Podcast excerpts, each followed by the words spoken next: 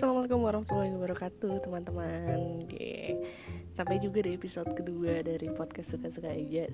Gue berterima kasih kepada semua yang bersedia mendengarkan podcast Suka-Suka aja episode pertama. Semoga apa yang diobrolkan dengan Kaminda mendapatkan Eh membawa manfaat untuk yang mendengarkan. Terus um, ada yang nanya sama gue kenapa namanya podcast Suka-Suka aja? Simpel aja sih sebenarnya karena nama gue Eja. Kalau nama gue Bambang mungkin akan menjadi podcast suka-suka Bambang. Aneh sih. Apa kalau sana ada pamungkas di belakangnya. Jadi ngomongin bola dong.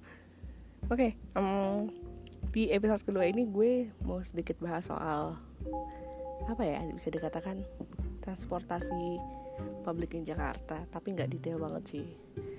LRT MRT nah jadi hari um, Selasa kemarin tanggal 11 Juni gue mendapatkan kesempatan untuk ikut uji coba publik pertama LRT atau Light Rail Transit yang di bahasa Indonesia kan menjadi uh, laju rel terpadu kalau gue nggak salah sih seperti itu.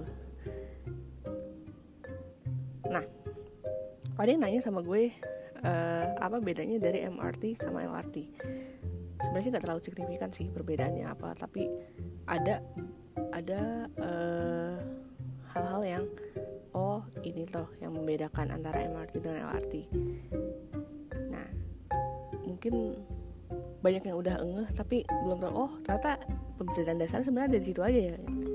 Jadi sebenarnya perbedaan itu apa aja sih? Yang pertama yang satu diawali dengan M yang satu diawali dengan L gue tahu itu ngeselin sih tapi emang itu termasuk dalam satu perbedaan yang harus kita angkat bro.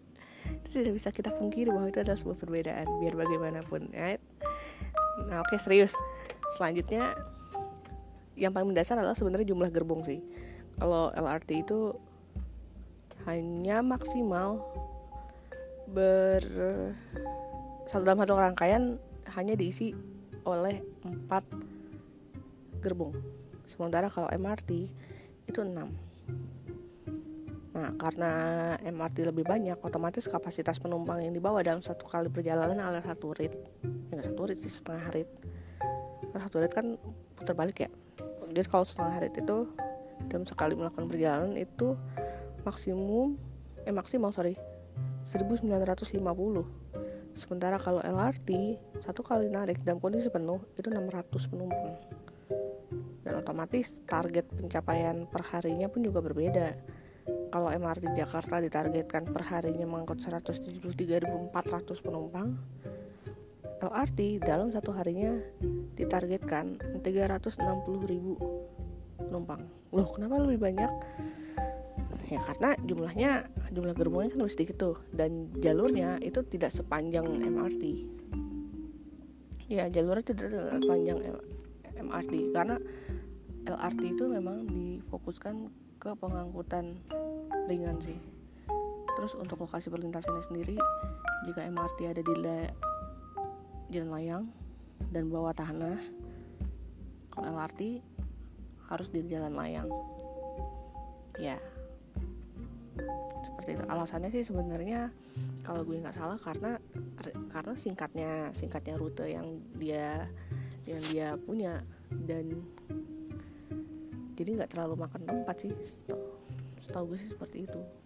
Nah kalau buat temen-temen yang ingin mencoba LRT Jakarta itu masih dibuka sampai batas waktu yang menentukan.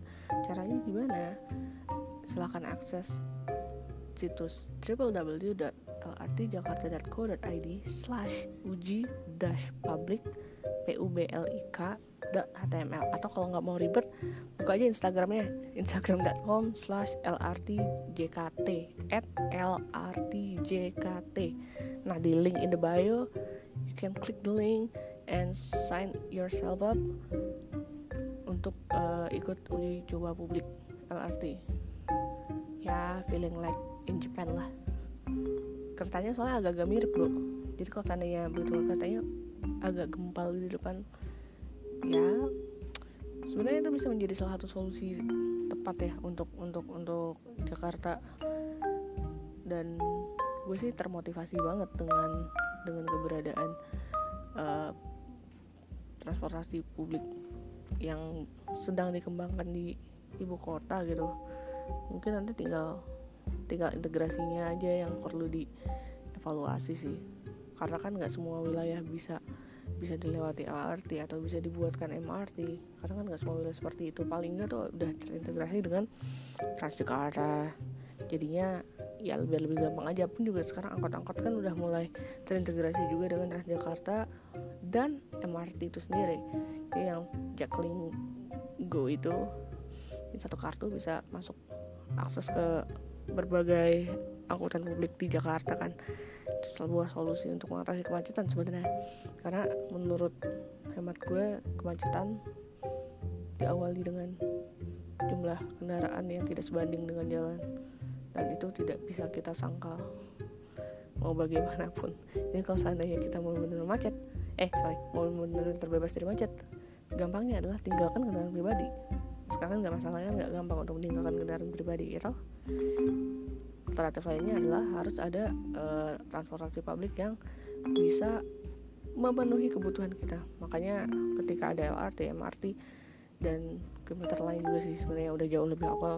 Apalagi Transjakarta juga ya harus disupport sebaik mungkin. Semoga aja sih uh, transportasi publik di Jakarta semakin lebih baik dan masyarakatnya juga semakin terbiasa dengan keberadaan transportasi publik seperti itu dengan sistem yang seperti itu ikut menjaga, ikut merawat dan bertanggung jawab dalam bukan dalam setiap penggunaan ketika menumpangi uh, transportasi publik itu sih. So buat yang mau nyoba silahkan follow instagram.com slash lrt jkt dan sok enggak ikut uji coba publiknya. Semoga bermanfaat. Demikian dari saya untuk hari ini. See you the next episode. Semoga apa yang disampaikan bermanfaat. Assalamualaikum warahmatullahi wabarakatuh